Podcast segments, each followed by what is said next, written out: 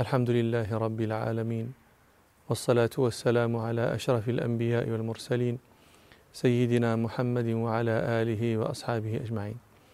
لا نزال مع كعب بن مالك رضي الله عنه وهو يحدثنا عن تخلفه عن رسول الله صلى الله عليه وسلم وأنه لم يكن له فيه أي عذر بل لم يكن أحسان حالا منه يومئذ فلم يكن قط أقوى ولا أيسار منه حين تخلف عن رسول الله صلى الله عليه وسلم في تلك الغزاة. وما اجتمعت عنده قبل ذلك راحلتان قط حتى اجتمعت عنده في تلك الغزوة. قال رضي الله عنه والمسلمون مع رسول الله صلى الله عليه وسلم كثير يزيدون على عشرة آلاف ولا يجمعهم ديوان حافظ. وقد قلنا إن أهل السير ذكروا أنهم كانوا يزيدون على ثلاثين ألفا وإنما العشرة ألاف هذه المذكورة إنما هم الفرسان فقط. ولذلك قال كعب لا يجمعهم ديوان حافظ. قال فما رجل يريد أن يتغيب إلا ظن أن سيخفى له إلا أن ينزل فيه وحي وحينئذ يظهر أمره. قال وغزا رسول الله صلى الله عليه وسلم تلك الغزوة حين طابت الثمار والظلال وتجهز رسول الله صلى الله عليه وسلم والمسلمون معه. قال فطفقت أغدو لكي أتجهز معهم كما يتجهز الناس. فأرجع ولم أقض شيئا من ذلك الجهاز. قال ولكن أقول في نفسي أنا قادر على ذلك متى ما شئت. فلم يزل. يتمادى بي حتى اشتد بالناس الجد. فأصبح رسول الله صلى الله عليه وسلم والمسلمون معه ولم أقض من جهازي شيئا. فقلت أتجهز بعده بيوم أو بيومين ثم ألحقهم. قال فغدوت بعد أن رحلوا بعد أن ذهبوا لأتجهز فرجعت ولم أقض شيئا. ثم غدوت أيضا. ليقضي جهازه قال ثم رجعت ولم أقضي شيئا فلم يزل بي يعني لم يزل ذلك دأبه. قال حتى أسرعوا وتفارت الغزو وقد قلت لكم معنى هذا إن الغزو قد فات لمن أراده. قال فهممت أن أرتحل وأدركهم وليتني فعلت لكن لم يقدر لي ذلك فكنت إذا خرجت في الناس. بعد ذهاب رسول الله صلى الله عليه وسلم وطفت فيهم أحزنني أني لا أرى في هؤلاء الذين تخلفوا إلا رجلا مغموصا عليه النفاق مطعونا عليه في دينه متهما بالنفاق أو رجلا ممن عذر الله من الضعفاء. قال ولم يذكرني رسول الله صلى الله عليه وسلم حتى بلغ تبوك. فقال وهو جالس في القوم تبوك ما فعل كعب بن مالك؟ قال فقال رجل من بني سلمة من قومه لأن كعب بن مالك سلمي أيضا. قال يا رسول الله حبسه برداه ونظره في عطفه. البرد الرداء والعطف جانب البرد الذي ينعطف على المنكب الرجل. يعني يشير بهذا إلى أنه شغله إعجابه بنفسه وبلباسه وأنه افتتن بالدنيا. فقال معاذ بن جبل بئس ما قلت. والله يا رسول الله ما علمنا عليه إلا خيرا. قال فسكت رسول الله صلى الله عليه وسلم. قال كعب بن مالك فلما بلغني أن رسول الله صلى الله عليه وسلم قافل راجع قال حضرني همي وطفقت أتذكر الكذب وأقول بماذا أخرج من سخط رسول الله صلى الله عليه وسلم غدا؟ يعني جعل يفكر في العذر الذي يعده لرسول الله صلى الله عليه وسلم ويتذكر الكذب يعني يكذب ويهيئ كلاما ليخرج من سخط رسول الله صلى الله عليه وسلم. قال واستعنت على ذلك بكل ذي رأي من أهلي. فلما قيل إن رسول الله صلى الله عليه وسلم قد أظل قادما يعني يوشك أن يدخل. قال زاح عني الباطل. زال عنه هذا الذي كان يتهيأ في في نفسه من الكذب وقال وعرفت أني لن أخرج من سخطه أبدا بشيء فيه كذب. فأجمعت صدقه. قال فأصبح رسول الله صلى الله عليه وسلم قادما.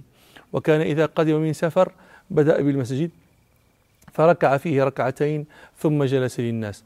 قال فلما فعل ذلك جاءه المخلفون. نحن قلنا إنه تخلف عن رسول الله صلى الله عليه وسلم طائفتان من الناس. منافقون معلوم نفاقهم وهؤلاء الثلاثة الذين هم من صالح المؤمنين لكن أبطأت بهم نيتهم.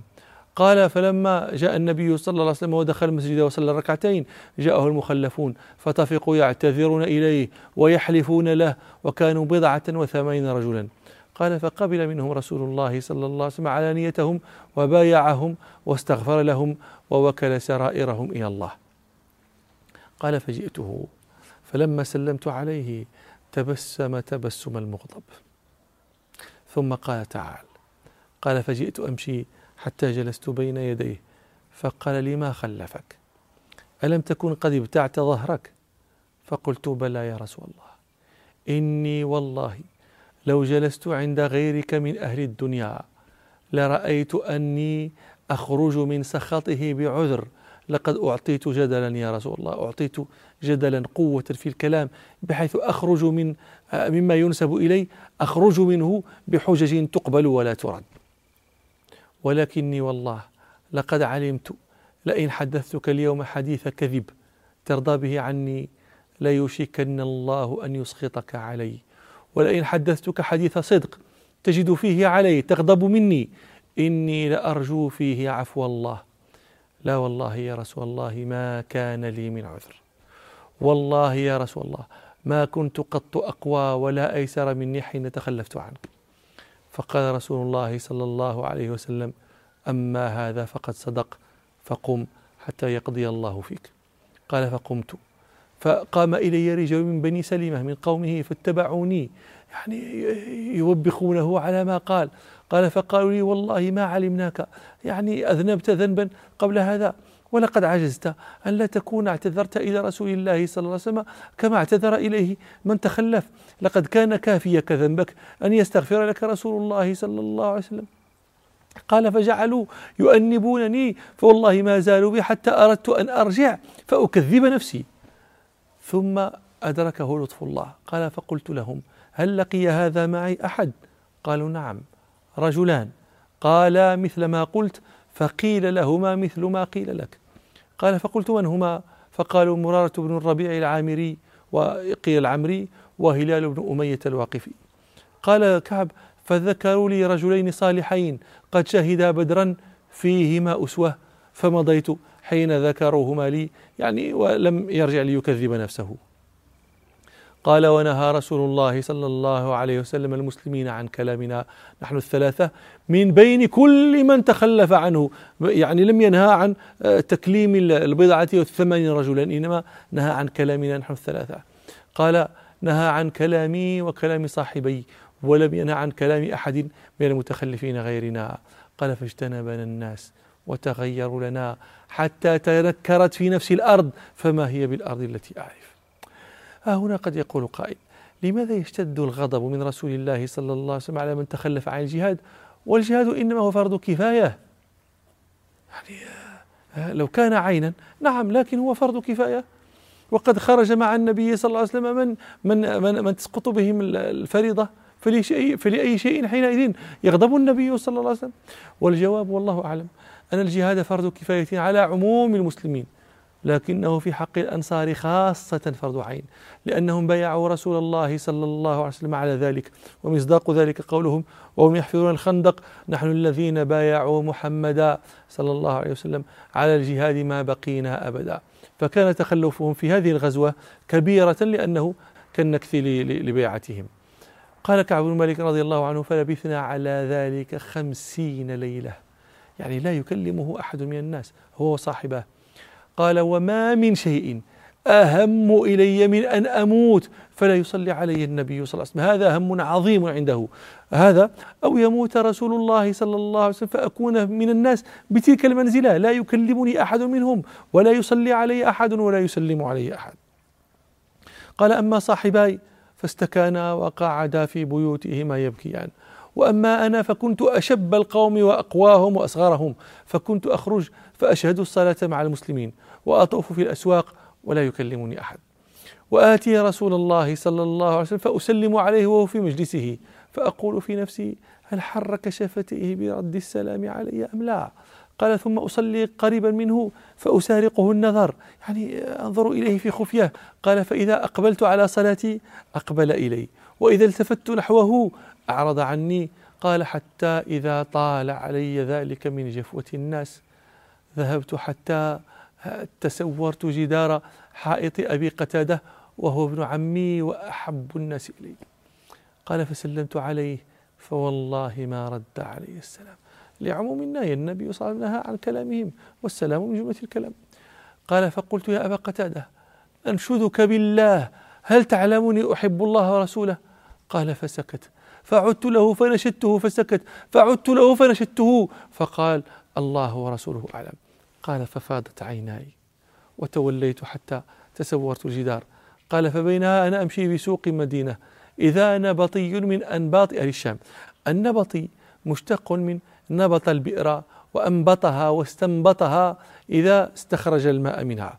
والأنباط قوم من العرب خلطوا العجم ففسدت بذلك لغتهم واختلطت أنسابهم وربما خالطوا أديان أولئك العجم.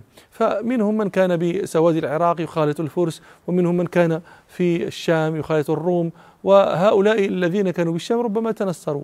وكانوا أهل فلاحة فكانوا يحتاجون الماء فكانوا يحفرون الآبار وكانوا أهل إتقان لمعالجة الآبار وحفرها وإنباط الماء منها فسموا لذلك أنباطا. وهذا النبطي الشامي كان نصرانيا كما وقع في رواية أحمد قال كعب فبين أنا أطوف السوق إذا رجل نصراني جاء بطعام يبيعه. قال كعب فبينما أنا أمشي بالسوق بسوق المدينة؟ إذا نبطي من أنباط أهل الشام. ممن قدم بالطعام يبيعه بالمدينة يقول من يدل على كعب بن مالك؟ قال فطفق الناس يشيرون له حتى إذا جاءني دفع إلي كتابا من ملك غسان.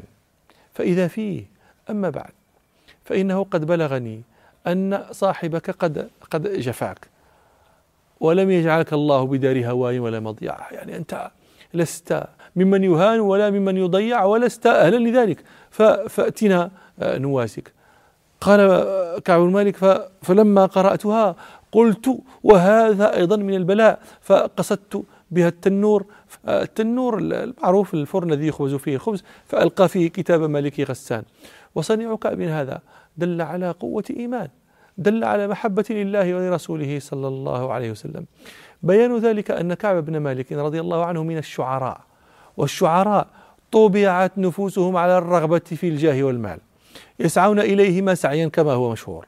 ثم هو الآن مطلوب وليس طالبا وذلك أعظم لإجابة هذا الداعي زد على ذلك أنه آمن من الملك الذي استدعاه وأنه لا يكرهه على فراق دينه فهذه كلها مرغبة في في الرحيل إلى هذا الملك. فكيف وقد انضاف إليها؟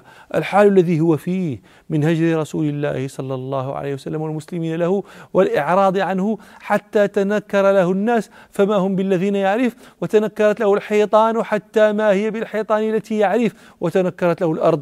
حتى ما هي بالأرض التي يعرف. وهذا كله قد يضعف المرء عن احتماله وتحمله الرغبة في الجاه والمال على أن يهجر من هجره وأن يعرض عن من أعرض عنه. لكنه رضي الله عنه لا يفعل ويختار ما هو فيه من النكد والتعذيب على ما دعي إليه من الراحة والنعيم حبا في الله وفي رسوله صلى الله عليه وسلم. قال رضي الله عنه حتى إذا مضت أربعون ليلة من الخمسين. إذا رسول رسول الله صلى الله عليه وسلم يأتيني فيقول إن رسول الله صلى الله عليه وسلم يأمرك أن تعتزل امرأتك. فقلت أطلقها؟ أفعل ماذا؟ قال لا بل يعتزلها ولا تقربها. وأرسل إلى آه، صاحبي بمثل ذلك. فقلت لامرأتي الحقي بأهلك فتكوني عندهم حتى يعني يقضي الله في هذا الأمر ما يقضي.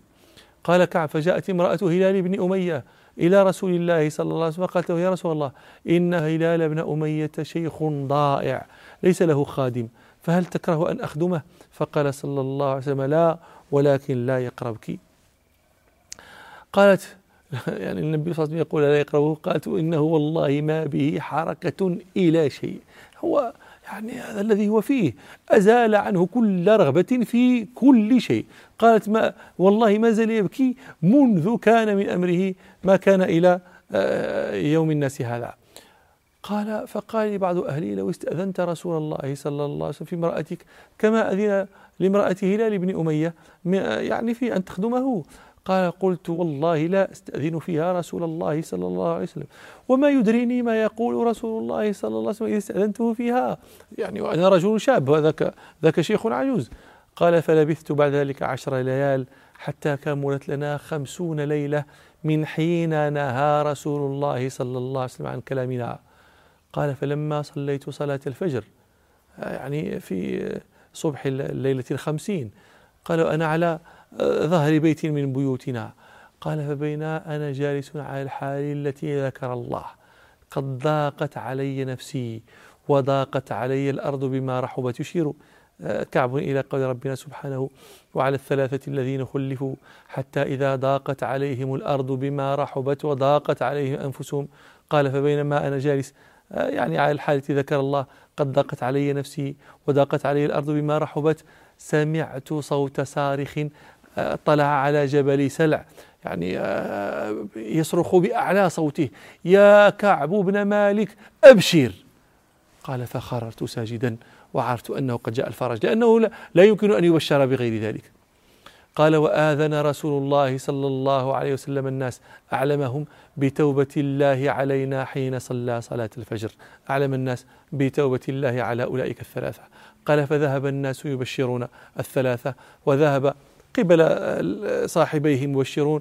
قال وركد إلي رجل فرسا وسعى ساع فأوفى على الجبل صعد على الجبل وكان الصوت طبعا أسرع من الفرس. قال فلما جاء الذي سمعت صوته يبشرني نزعت له ثوبي فكسوته إياهما ببشارته ونكمل حديثنا فيما نستقبل إن شاء الله. سبحانك اللهم وبحمدك أشهد أن لا إله إلا أنت أستغفرك وأتوب إليك والحمد لله رب العالمين.